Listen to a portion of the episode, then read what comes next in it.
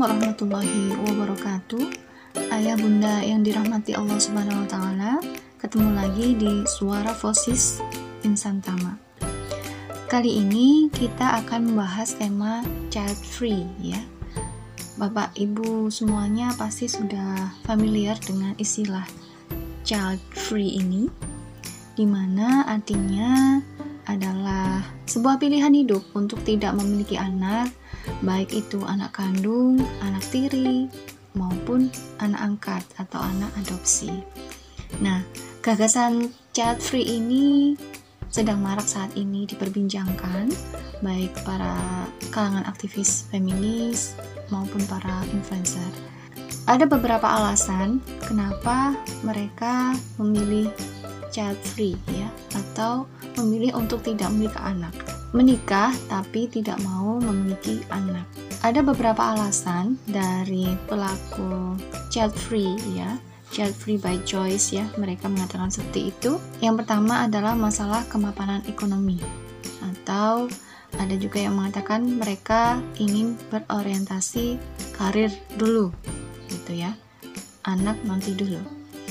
Nah, kemudian ada juga yang beralasan e, karena takut terjadi perubahan bentuk tubuh karena hamil, melahirkan, dan menyusui. Kemudian tidak menyukai anak-anak. Kemudian adanya keyakinan bahwa seseorang akan lebih memberikan kontribusi besar kepada masyarakat lewat usahanya itu bukan dengan cara memiliki anak gitu ya. Jadi anak dianggap e, menghalangi kontribusi seorang tersebut di dalam masyarakat seperti itu.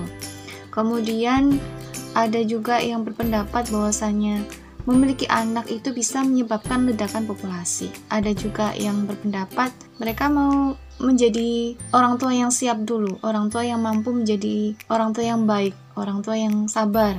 Ya, jadi ingin menyiapkan diri dulu. Jadi nggak mau memiliki anak terlebih dahulu.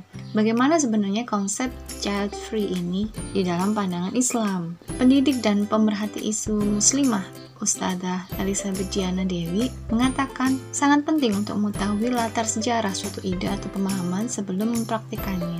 Menurut beliau, child free ini adalah konsep yang dicetuskan oleh para feminis yang menggaungkan politik of body atau politik tubuh, sebuah konsep yang dibawa oleh para feminis radikal sehingga tidak layak untuk diikuti. Konsep ini sebenarnya adalah bagian dari politik tubuh, politik of body, the right of body. Jadi uh, tubuhku hakku gitu. Jadi rahimku adalah hakku.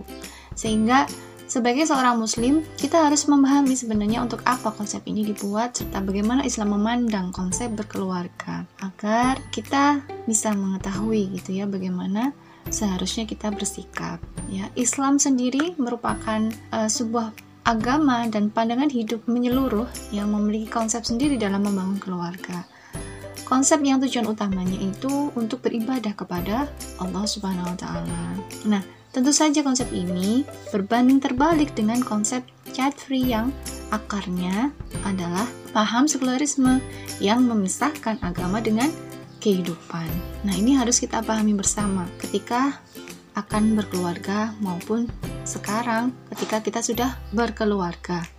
Jadi, pemahaman bahwa menikah dan memiliki anak adalah salah satu potensi manusia yang itu merupakan karunia dari Allah Subhanahu wa taala. Kemudian memiliki anak dalam Islam itu dilandasi dorongan ketakwaan ya. Sebagaimana sabda Rasulullah Shallallahu alaihi wasallam yang membanggakan jumlah umatnya. Anak adalah aset dunia akhirat kita. Dua anak yang soleh itu adalah amal jariah yang pahalanya tidak akan terputus meskipun kita orang tuanya nanti sudah meninggal ya seperti itu jika Allah telah menciptakan potensi hidup manusia berupa akal, naluri, kemudian kebutuhan jasmani, maka potensi itu akan tetap melekat selamanya karena itu adalah fitrah manusia.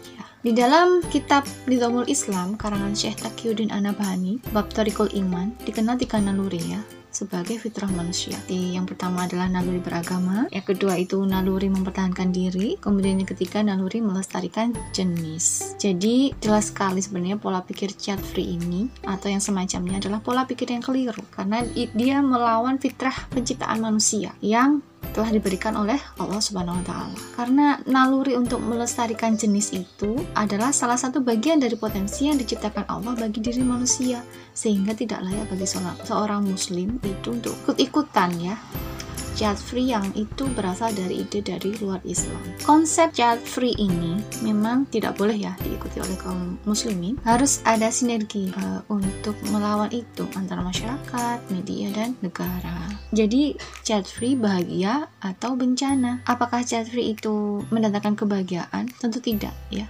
Kalau kita lihat orang-orang yang pelaku child free sendiri uh, yang memilih untuk tidak memiliki anak itu mereka rata-rata memiliki trauma masa lalu. Inner child yang itu belum selesai ya. Mereka belum bisa berdamai dengan masa lalu. Kemudian rata-rata takut atau belum siap mem mempunyai anak. Jadi salah kalau dikatakan child free itu membawa kebahagiaan. Justru sebaliknya child free itu tidak membuat orang tua bahagia tidak membuat manusia bahagia karena dia bertentangan dengan fitrah manusia. Karena yang namanya fitrah itu adalah uh, karunia dari Allah yang pasti akan membahagiakan kita gitu. Secara jujur kepada diri, diri sendiri yang namanya fitrah itu adalah sesuatu yang membahagiakan, sesuatu yang melegakan. Kalau kita melawan fitrah itu, pasti nanti akan menimbulkan masalah, kesusahan di dalam hidup, ya, ketidaktentraman itu membawa kepada ketidakbahagiaan. Pastinya akan mendatangkan bencana yang besar karena generasi akan loss, generasi akan